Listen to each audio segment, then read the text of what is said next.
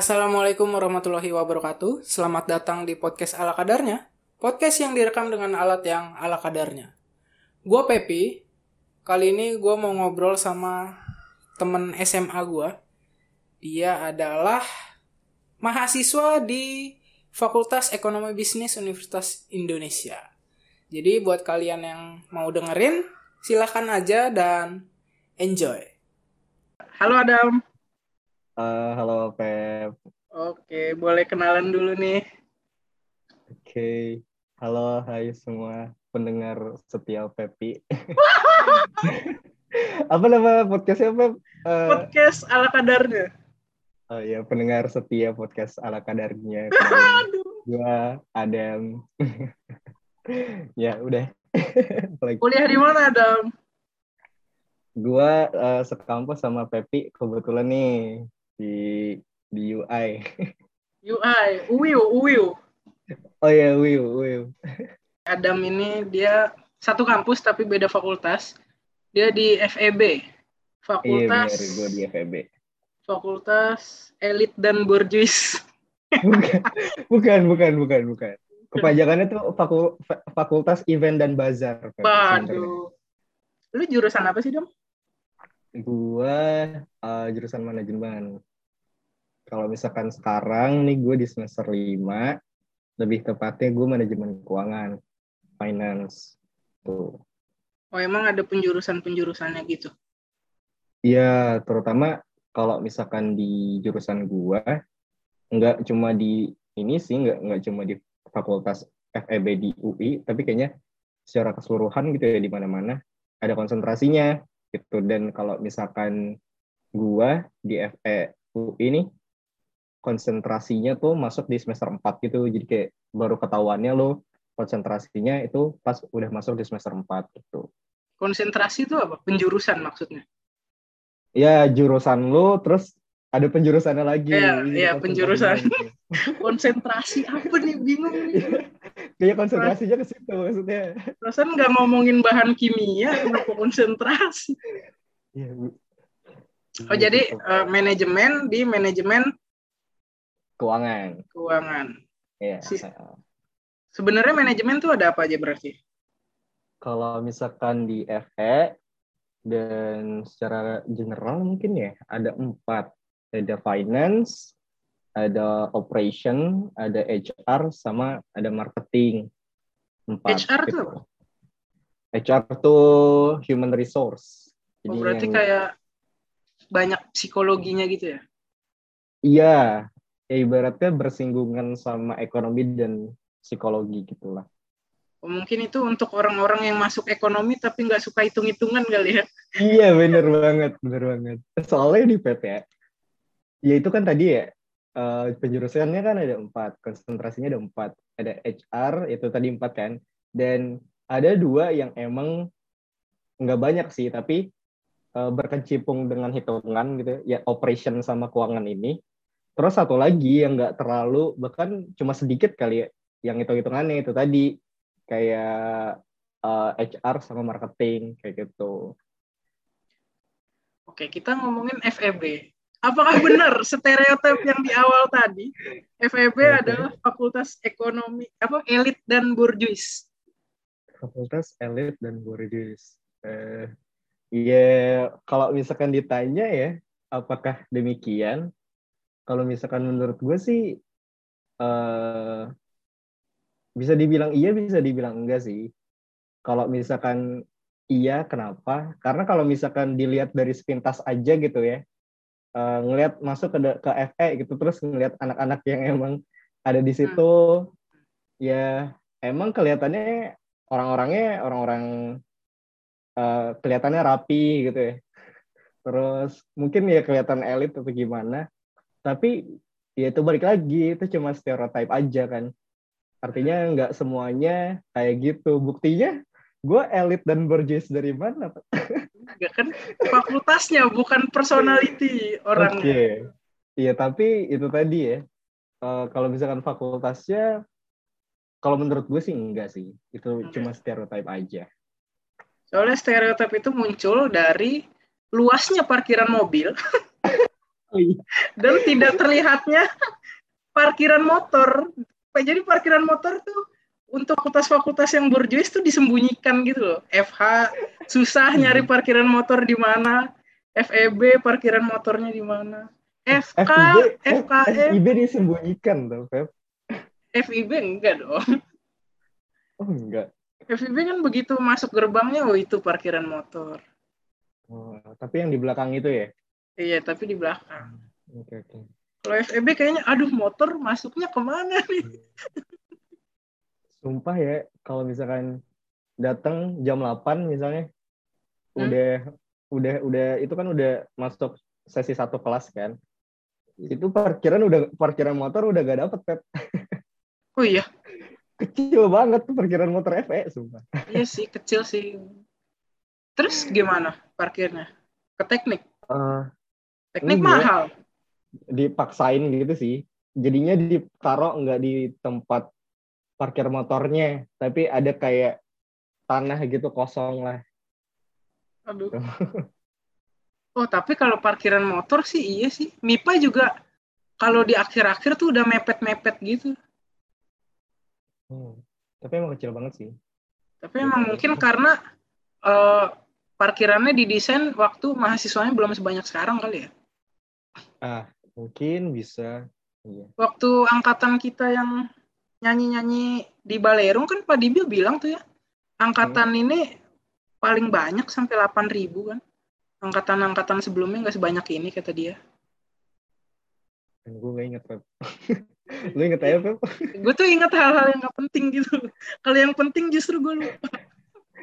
I- iya, mungkin ya. Dan itu tadi kan bukan, apa ya, yang market di situ kan bukan angkatan misalkan anak 19 aja kan. Iya Yang anak-anak sebelumnya juga mungkin ya pada pada parkir di situ. Mobil aja juga suka ini parkirannya penuh. Iya, bikun penuh, semua semua penuh ya. Kayak over capacity nggak sih, Pep? Kalau dipikir-pikir iya, UI itu tidak sebesar yang gue bayangkan ya. Kalau dibandingin sama jumlah mahasiswanya. Jadi kayak maksain deh. Maksain biar banyak. Lu nih masuk FEB lewat jalur apa, Dam? Gue dulu eh, jalur SNM. Box. Hmm. Siswa Ini- pintar. Bukan pinter ya, lebih beruntung aja kayaknya. Tapi sebelumnya lu udah daftar UTBK, eh apa SBM. Ah, udah, udah. Gue udah daftar UTBK. Iya, udah. Mandiri, mandiri? Mandiri belum deh. Belum. Kayaknya waktu pas saat itu kayak belum Oh, belum masih dibuka awal-awal pendaftaran. ya? UTB. Iya, eh, masih kayak awal-awal UTBK gitu. Eh terus gue juga waktu itu daftar di ini Pep sebenarnya di UIN. Tapi gue nggak nggak diterima. Gue ngambil Apa ekonomi Islam. PMDK apa ya? Ah nggak tahu, gue lupa deh namanya. Lewat rapot juga. Ah lewat apa ya waktu itu? Iya, iya rapat kalau nggak salah. Oh, bisa gitu ya? Nggak tahu pokoknya. Kayak itu kan pengumumannya duluan kan. Wah, gue aja di sini nggak diterima gitu. Ya, abis Eh, kok bisa ya? berharap. Gak ngerti, gak ngerti deh gue. Oh, Kalau yang gue denger, ini Hah? Pep itu kayak kebanyakan tuh kayak anak pesantren gitu yang diterima di situ lewat jalur itu gitu katanya sih. Atau Jadi- mungkin juga seleksi UIN lebih ketat. Mungkin. Mungkin. Karena kan awal-awal, jadi semua orang mau Oh masuk. iya sih, iya udah udah. udah. Nggak tahu. UIN bagus.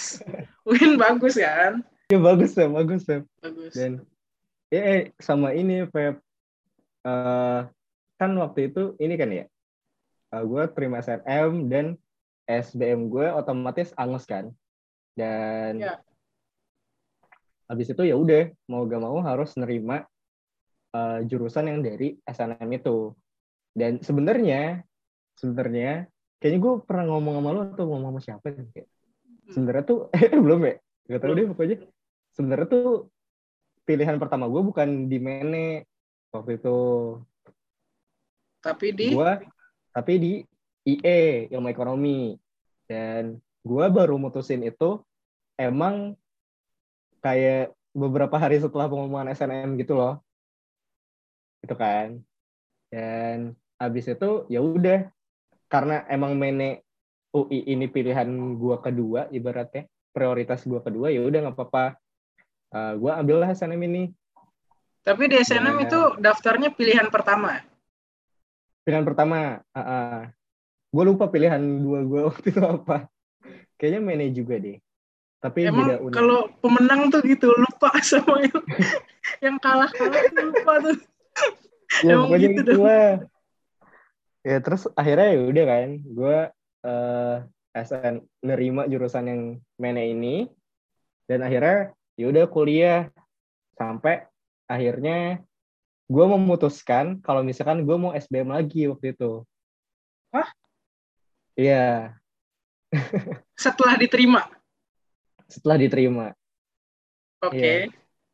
Karena ya mungkin apa ya waktu waktu itu emang prioritas gue nomor satunya kan IE kan.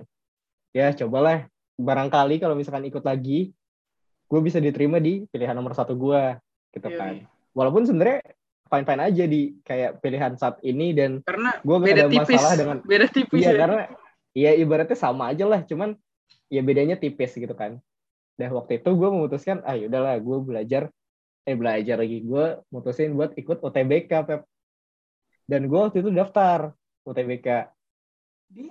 Gue sambil belajar juga waktu sambil UTS sambil uas eh sambil uas tuh waktu itu. Gue belajar buat UTBK dan gue ikut UTBK uh, eh, gelombang satu waktu itu. Gelombang itu satu di UI yang sudah covid ya berarti? Udah covid udah covid. Wah. tahun 2020 tahun 2020 nah nah gue daftar UTBK ambil IE jurusan nomor satu. Terus ilmu ekonomi Islam. Eh bukan ilmu ekonomi Islam. Eh iya ilmu ekonomi Islam di jurusan nomor dua. Gitu kan. Sebenarnya ini sama aja sih kalau misalkan dilihat-lihat dari jurusannya. Cuman ya ya gue punya idealisme pada saat itu kan ya udah akhirnya ikut UTBK gue inget banget gue tes UTBK di vokasi. Vokasi UI siang-siang uh, pas lagi covid covid gitu kan. Ikutlah UTBK dan udah selesai nih UTBK-nya ceritanya. Dan ya udah habis itu gue balik lagi. Pada saat itu gue lagi ini juga lagi sibuk ngurusin ospek pas UTBK waktu itu tuh. Jadi gue lagi sibuk-sibuk ospek habis itu gue UTBK habis itu balik lagi lah ospek gue. Ya udahlah ini gue uh, tinggalin aja uh, pengumumannya nanti nanti aja. Maksudnya ya udah lupain nanti kalau misalkan udah dekat-dekat baru uh, ya apa siap-siap lagi gitu.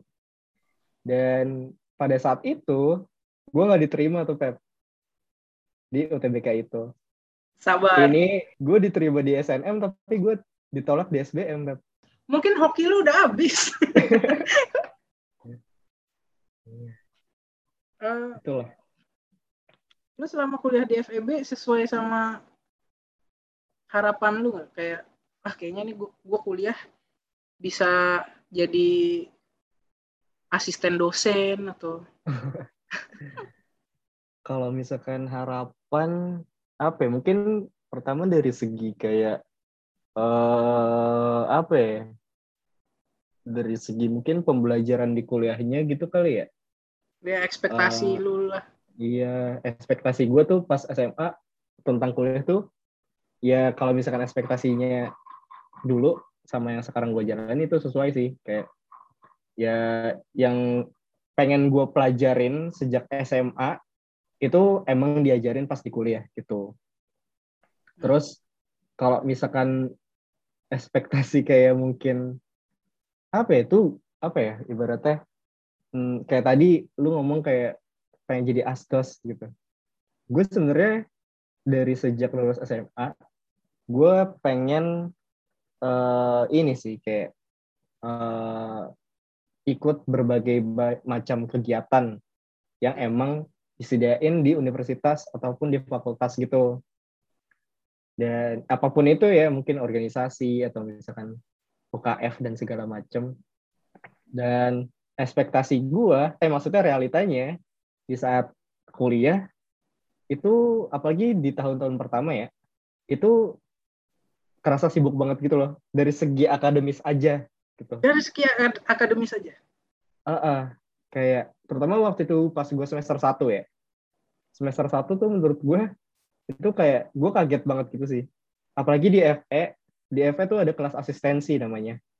Jadi ada apa ya ada dua macam kelas.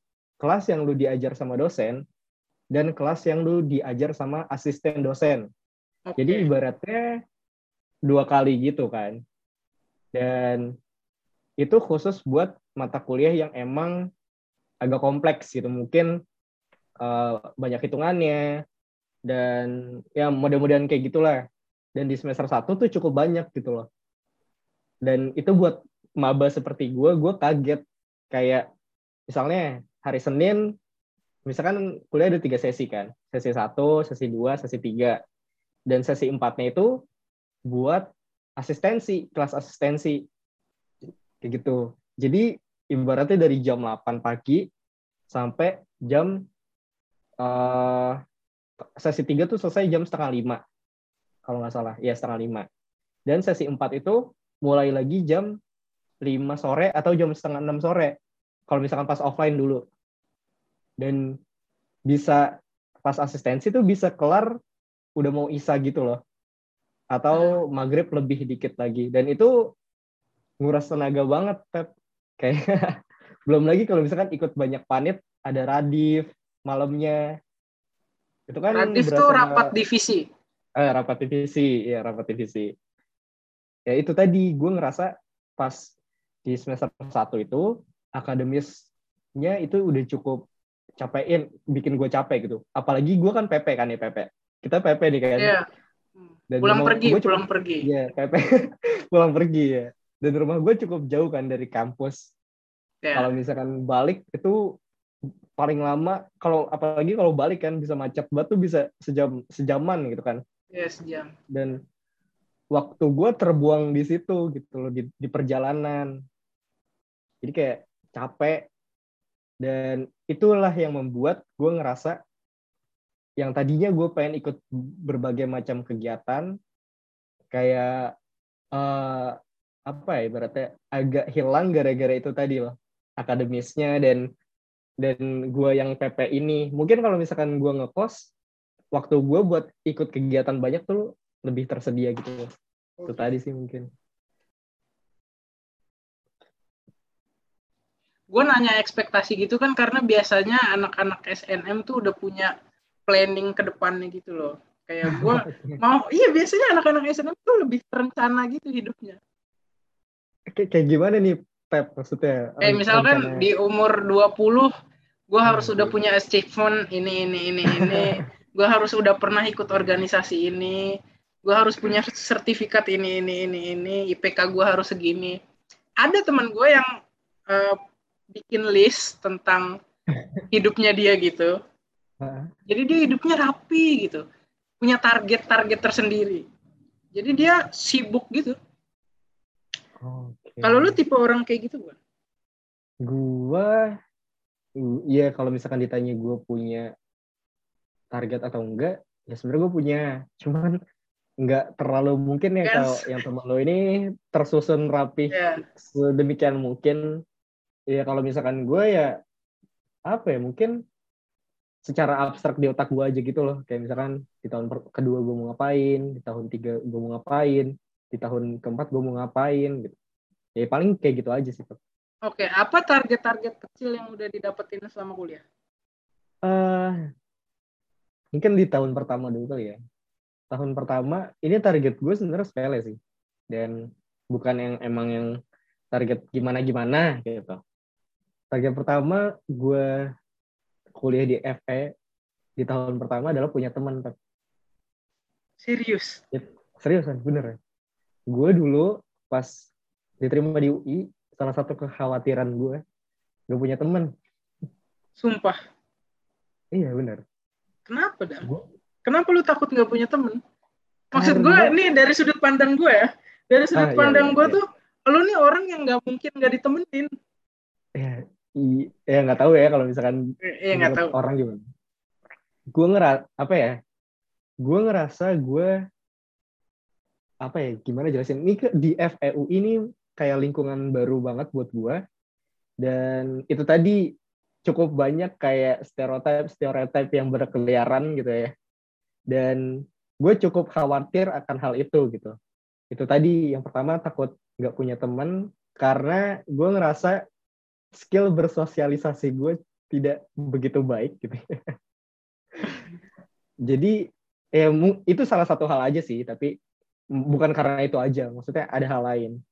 Ya itu target gue yang pertama uh, dapat temen dalam artian bukan kayak apa ya dalam artian tuh temen yang emang dekat jadi iya bisa support gue bisa support satu sama lain dan ya ibaratnya kayak gitulah. Itu target pertama gue pas gue kuliah di FE dan bersyukur aja gue dapet di tahun pertama karena itu tadi ya karena ya proses ospek dan segala macam akhirnya gue punya dapat temen yang emang pada saat itu uh, mendukung banget gue untuk ya semangat semangat kuliah dan sebagainya gitu sih. Ah, itu dia. Lu udah ikut organisasi apa aja dong di sana dong? uh, organisasi gua uh, ini sih FSI namanya. Apa tuh? Forum Studi Islam. Oh, bukan bukan hmm. yang itu dong. Ini mau jualan nih dong. mau jualan. Oke. Okay. Selain itu ada Selain lagi. itu ada, ada apa lagi dong? Uh, kepanitiaan juga. Oh itu kepanitiaan apa tuh dong? Namanya Agenda UI. Oh Agenda, Agenda UI. Agenda UI itu jadi kayak uh, merch official dari Universitas Indonesia gitu ya.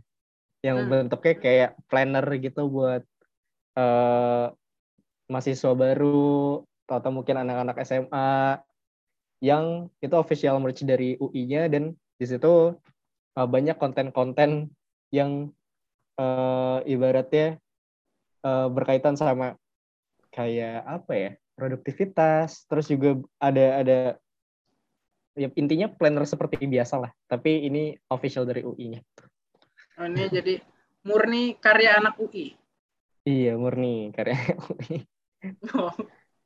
itu lu di situ sebagai apa gue di situ sebagai ini gue jadi BPH di situ gue ngurusin penjualan jadi divisi sales namanya oh. dan kita yang ngurusin penjualannya gitu penjualannya ke ke mana pun gitu lah lewat lewat uh, online atau lewat personal seller gitu ya. Hmm. itu Pep. Bagus nih agenda ini bagus. iya bagus banget. Di Instagram apa namanya? Instagramnya, bentar, gue cek dulu ya, takut salah. namanya agenda underscore UI agenda underscore UI silahkan dicek. Iya. Yeah. Itu ada kayak semacam buku, ya agenda ya. Isinya ada tentang UI mungkin ya? Ya, ada sedikit tentang UI-nya gitu. Sedikit tentang UI dan itu seru banget bukunya, desainnya bagus menurut gua. Bagus banget guys, nanti banget, cek guys. aja. itu seru untuk uh, kalian yang sudah masuk UI, masih seru juga Iya, masih seru juga. Apalagi masih, masih tahun-tahun pertama gitu. Iya. Untuk ditaruh di meja belajar buat catatan-catatan. Iya, bener. Buat dipajang aja juga bisa sebenarnya. Dipajang aja oh, juga bagus. bisa. soalnya emang bagus banget sih. Gue kadang nah. tuh kalau lagi ngerjain tugas, aduh males banget nih. Terus gue pajang buku itu kan. Aduh langsung semangat, semangat. lagi dong. Iya, bener, bener, bener. Bisa bisa menambah semangat kalau misalkan mau masuk UI gitu ya. Karena buku agenda UI itu dari desainnya kayak memancarkan semangat gitu. Bener, bener banget, Tep. Soalnya oh, kayak ya warnanya warnanya komposisinya. oh, iya. yeah. banget. Itu gue kalau lagi aduh ntar aja deh ngerjain tugas. Ngeliat itu oh langsung ngerjain tugas. Bisa bisa bisa dipakai buat itu. Dan buat anak-anak yang mau lebih tahu tentang UI juga uh, bisa pakai itu karena di dalamnya ada informasi-informasi tadi ya? Iya, sedikit informasi ya, nggak nggak nggak banyak kayak. Jadi sekedar seru-serunya tentang UI lah. Iya, bener banget. Kayak ada uh, ini maps UI gitu kayak hmm. nyari fakultas ini ada di mana, fakultas itu ada di mana, gitulah. Dan buat orang-orang kayak gue yang hidupnya nih nggak terstruktur, nggak terencana, itu bisa dibantu pakai buku itu ya, Dam? Iya, bener banget. Kayak tadi kan sempat disinggung ya, Pepe. Kayak uh, menurut gue penting buat kita kayak ngeplan lah. Iya, bener. Kira-kira ke depannya mau ngapain. Karena ya itu mungkin salah satu cara agar eh, target-target yang kita punya bisa tercapai gitu. Jadi mungkin salah satu caranya gitu ya, menuliskan tujuan lo, terus apa yang mau lakukan, bisa pakai planner itu, pakai agenda UI gitu. Soalnya kalau ngomongin tujuan hidup, gue nih belum pernah dapetin sesuatu yang gue planning. Oh gitu, Pep. Jadi, gue uh, SMP pengen masuk SMP 2. Oke. Okay. Itu name-nya waktu itu minimal 26,7. Tapi name gue cuma eh minimal 27 name minimalnya. Nilai gue cuma 26,65. Jadi kurang tuh. SMA gue pengen masuk SMA 1. Gak masuk juga, masuknya ke SMA 5 kuliah gue pengennya masuk arsitektur. Nggak masuk juga. Gue masuknya geografi. Itu mungkin karena dulu gue tuh ngeplanningnya cuma di otak aja. Gue nggak dicatat. Yeah. jadi gue lupa sama target eh, target-target kecil yang harus dicapai juga. Nah makanya gue butuh nih buku agenda UI ini nih mungkin ya, harus Untuk, banget iya soalnya kan itu tadi ya kalau misalkan cuma ditulis misalkan target tujuannya aja gitu ya ya caranya untuk mencapai target itu apa gitu. Hmm. Jadi mungkin dengan adanya planner ini lo bisa menuliskan target-target kecil lo yang nanti akan menuju ke target besar lo itu gitu. Karena ternyata yang penting tuh target-target kecil itu dulu ya, Dam. Yes, bener. Salahnya gue tuh dulu itu. Langsung pokoknya SMP 2, wah nggak masuk. Pokoknya SMA 1, wah nggak masuk. Pokoknya arsitektur, wah nggak masuk juga sekarang saya beli agenda UI. Iya, beli guys buat buat buat lo lebih produktif. Bahkan Sri Mulyani enggak ya? enggak, enggak, sampai Ini terlalu berlebihan kayak jadi Sri Mulyani. Ya. Oke. Okay, Tapi itu... ber, ini Pep, ngomongin ngomongin ini apa Pep? Apa ngomongin target gitu ya. Sebenarnya gue ngerasa di kuliah ini banyak itu tadi Pep kayaknya banyak target gue yang uh, belum tercapai sih. Tadi kan terakhir gue ngejelasin target pertama di ini ya apa namanya tahun pertama di FE dan itu cuma target kecil aja. Dan ada beberapa target yang emang gue ngerancanain buat bisa tercapai gitu. Tapi uh, mungkin karena guanya terlalu bersantai-santai aja atau gimana dan belum tercapai juga sampai saat ini gitu.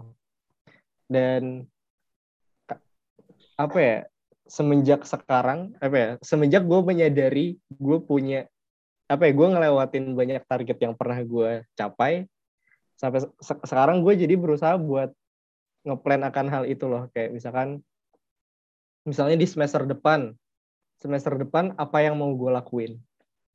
Dari dari hal itu aja gitu loh apa yang mau gue lakuin. Dan ya sampai apa ya saat ini gue berusaha buat punya akan hal itu gitu. Karena gue gak mau kalau misalkan kuliah gue cuma kayak ikutin alur aja gitu loh. Hmm. gue gak mau kayak gitu. Harus ada satu hal yang ibaratnya uh, apa ya bukan achievement sih tapi uh, batu loncatan gitu ya dari batu sini terus loncat ke sana harus ada itunya gue uh, sekarang mikirnya jadi gue punya beberapa uh, target yang pengen gue capai di semester depan dan di tahun depan. Salah satunya ini sih, Pep. Gue pengen banget, ah ini, tapi gue males ngomongin ya. Ya pokoknya intinya gue pengen keluar dari zona nyaman gue lah di semester eh di di tahun keempat gue kuliah gitu. Kayak penebusan dosa dari uh, masa lalu kita karena udah banyak ngebuang kesempatan-kesempatan yang ada gitu mungkin ya. Iya bener-bener. Gue juga lagi, gue kayak gitu juga dah. Oh, oke. Okay. Gue setelah pindah Oke. ke sastra Indonesia ini tuh kayak, oh ini penebusan dosa gue dari sebelum-sebelumnya, kayak gue harus serius di sini. Gue harus maksimalin apa yang gue bisa. Jangan sampai nanti kalau ada kesempatan tuh kelewat lagi. Karena dari dulu, kok jadi cerita tentang gue ya. Oh, Feb. Saling bercerita nih. Kayak dari dulu dari SMP SMA tuh gue selalu ngebuang bakat yang gue punya. Jadi kalau di kan dulu kita zaman sekolah sering tes psikologi ya, Hmm. yang tes IQ lah namanya. Itu kan ada minat bakatnya gitu kan. Nah Iya. gue tuh yang paling atas tuh selalu ilmu-ilmu eksak kayak arsitektur, terus eh, guru matematika atau apalah.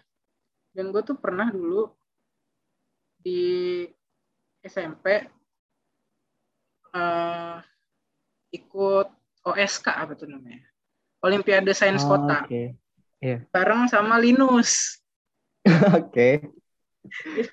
Gue tuh di SMP di bawah bayang-bayang Linus. Di SMA ada Linus lagi ya fuck matematika.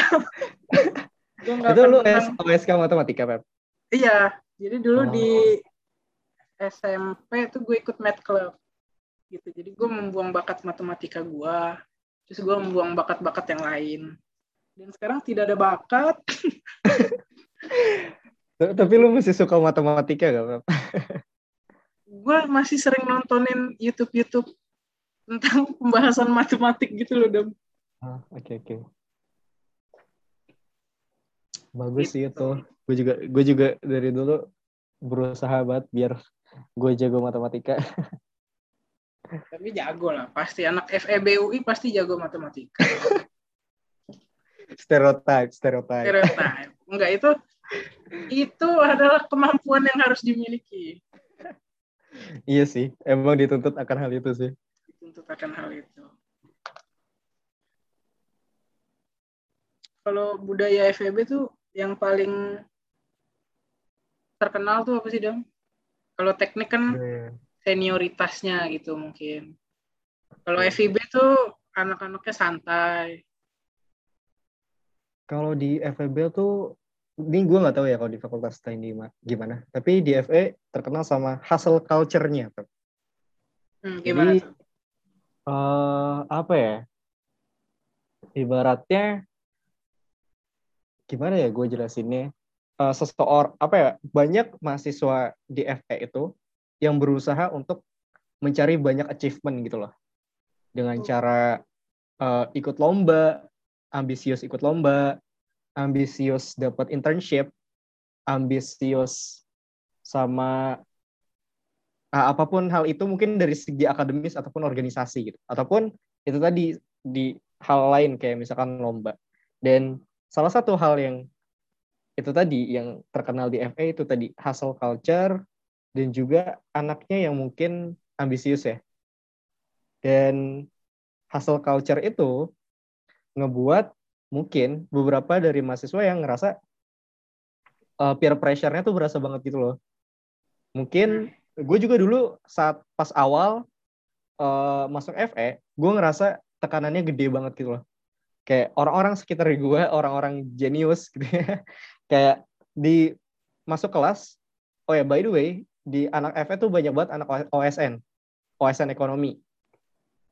Dan OSN kebumian juga, ya pokoknya yang kayak gitu biasanya masuk di FE gitu kan. Juara-juara. Dan iya.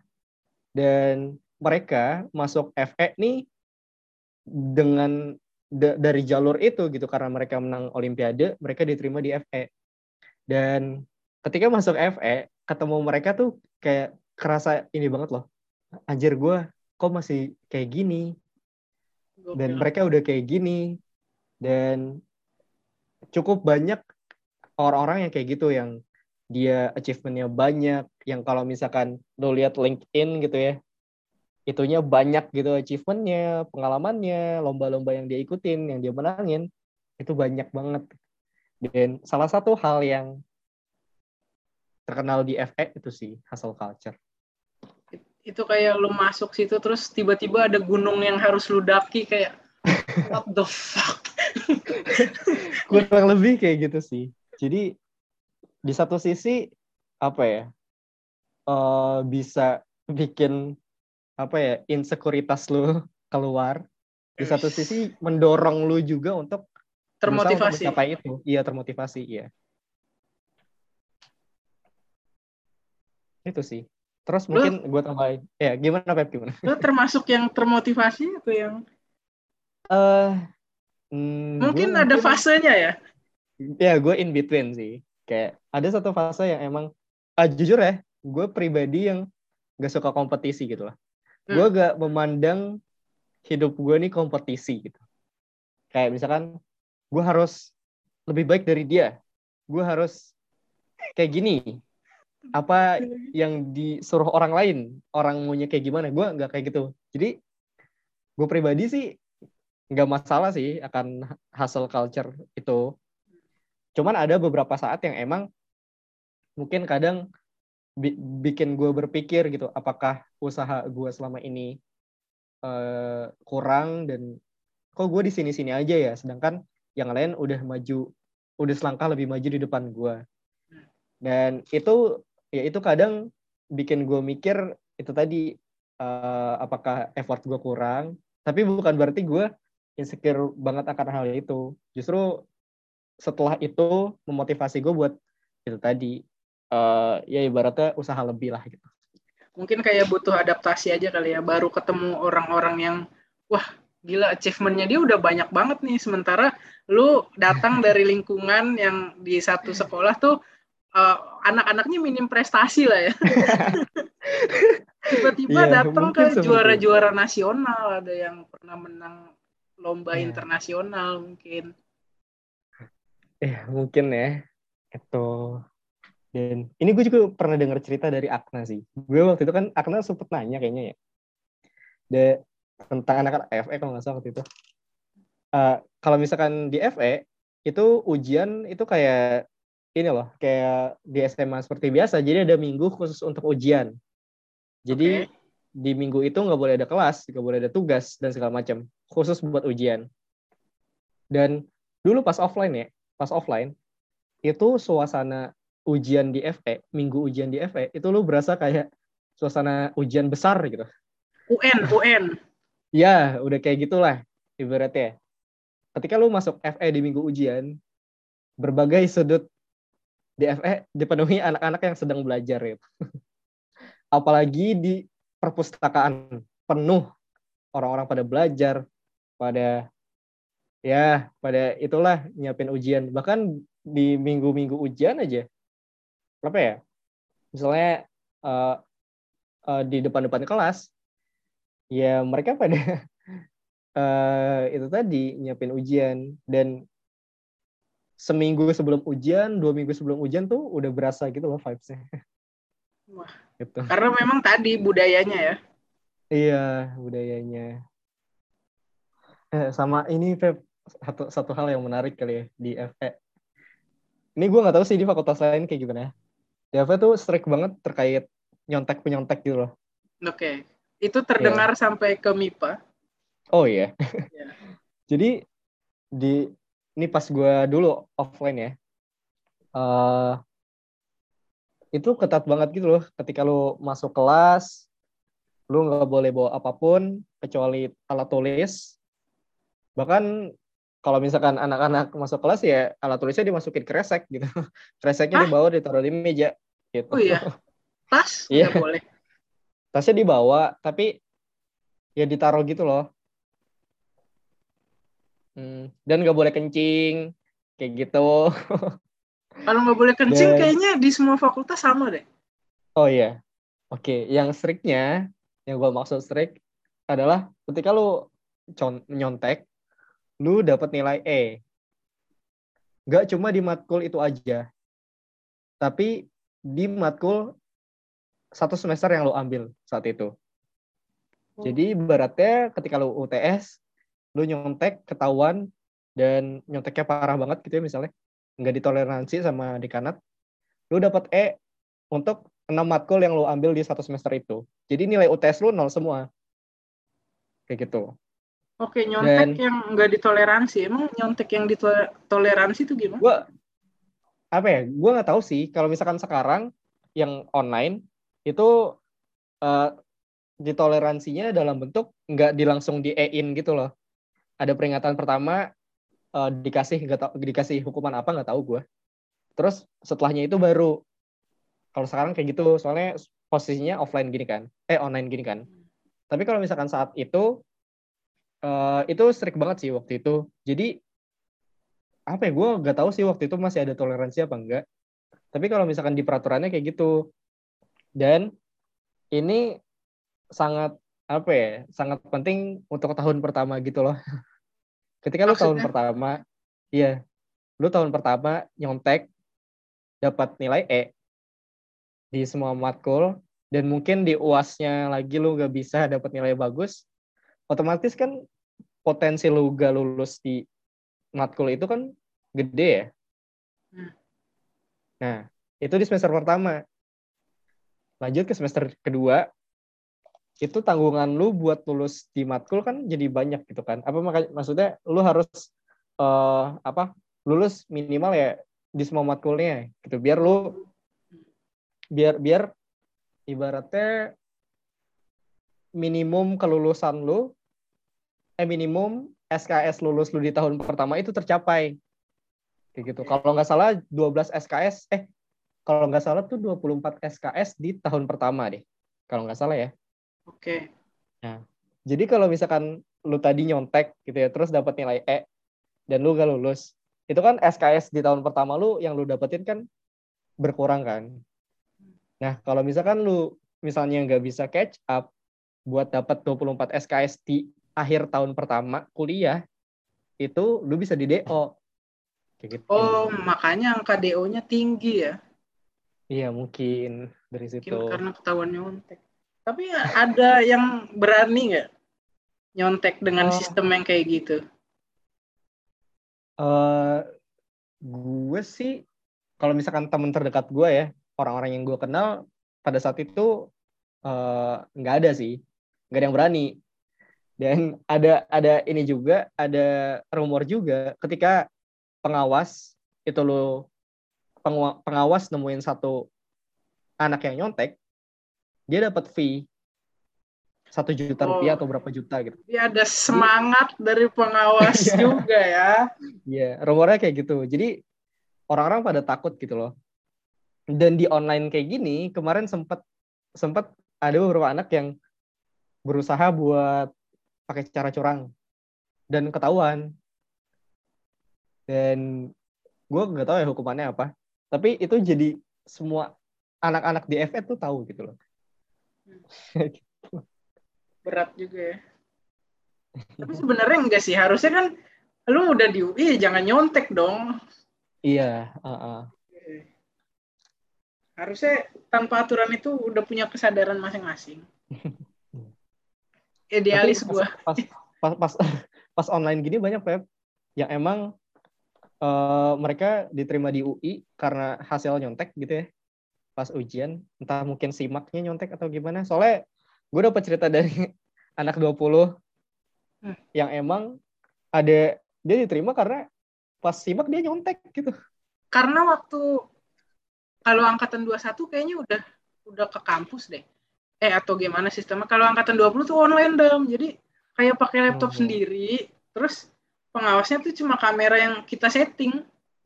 Oh iya ya mungkin cuma, karena itu kali ya mungkin karena itu ya gue pikir simaknya itu kayak kita ngezoom bareng gitu loh jadi ada pengawasnya ternyata enggak gue nggak tahu ada pengawasnya apa enggak itu yeah. gue tuh dulu takut nggak lolos karena ini gue apa nemtek gue kayak mengkilap gitu loh takut nggak kelihatan. Oh, Oke. Okay. Ternyata lolos juga. Ternyata ada yang nyontek. Diperhatiin itu. Iya banyak banget katanya. Gue kayak ngomong ke kamera nih saya sendiri di ruangan. Sekarang goblok Dan banyak yang mentalitasnya masih sama gitu loh, nggak berubah dari karena mereka ya diterima dari hasil itu dan mungkin uh, ya mereka nyari apa ya segala cara agar dapat nilai bagus gitu. Hmm. Walaupun sebenarnya ini orang-orang ini ambisius gitu ya. Orang-orang ini ambisius hmm, uh, tapi... dan segala macam. Tapi ya itu tadi menghalalkan segala cara biar dapat nilai bagus atau biar gue curang aja ya, curang aja ya. Iya. Ya, semua orang punya cara survive-nya masing-masing sih. Kita nggak usah pusing-pusing. Karena ada juga di MIPA dulu, dia tuh istilahnya apa ya? Cepu. Lewat Edom. Okay. Jadi di Edom kan ada kolom komen. Nah, dia ngelapornya lewat situ. Jadi temen gue ada yang dilaporkan menyontek. Jadi kalau di MIPA menyonteknya cuma di EIN di matkul itu doang. Jadi nggak semuanya. Jadi dia ngulang deh. Oke, terakhir deh, Dam. Uh, kira-kira cita-cita lu nanti setelah lulus tuh gimana? Waduh, pertanyaannya sulit nih, Pep. Oh, itu sulit ya? Sumpah, susah, susah ini. ini. Untuk orang yang bilang tadi hidupnya sudah punya target, itu sulit. Maksud gue, target gue tidak sejauh itu gitu Oh, Oke. Okay. Harapan lu setelah lulus deh? Atau punya bayangan gak sih? kayaknya gue lulus bakal kerja di top 4 deh big four oh. nggak mungkin ya eh mungkin sih amin dong gue amin kan amin amin banyak juga anak FS oleh jadi uh, probability-nya tidak nol uh, apa ya harapan gue sih mungkin uh, sebelum gue masuk ke dunia uh, kerja gitu ya gue pengen cari pengalaman dulu terkait apa ya itu tadi banyak banyakin internship dan segala macam. Dan gue pengen coba uh, sebelum gue lulus gue sebenarnya pengen coba exchange keluar. Karena itu target gue sejak awal gue masuk kuliah Pep. terus ya itu sih mungkin nanti itu sebelum gue lulus gue pengen coba itu.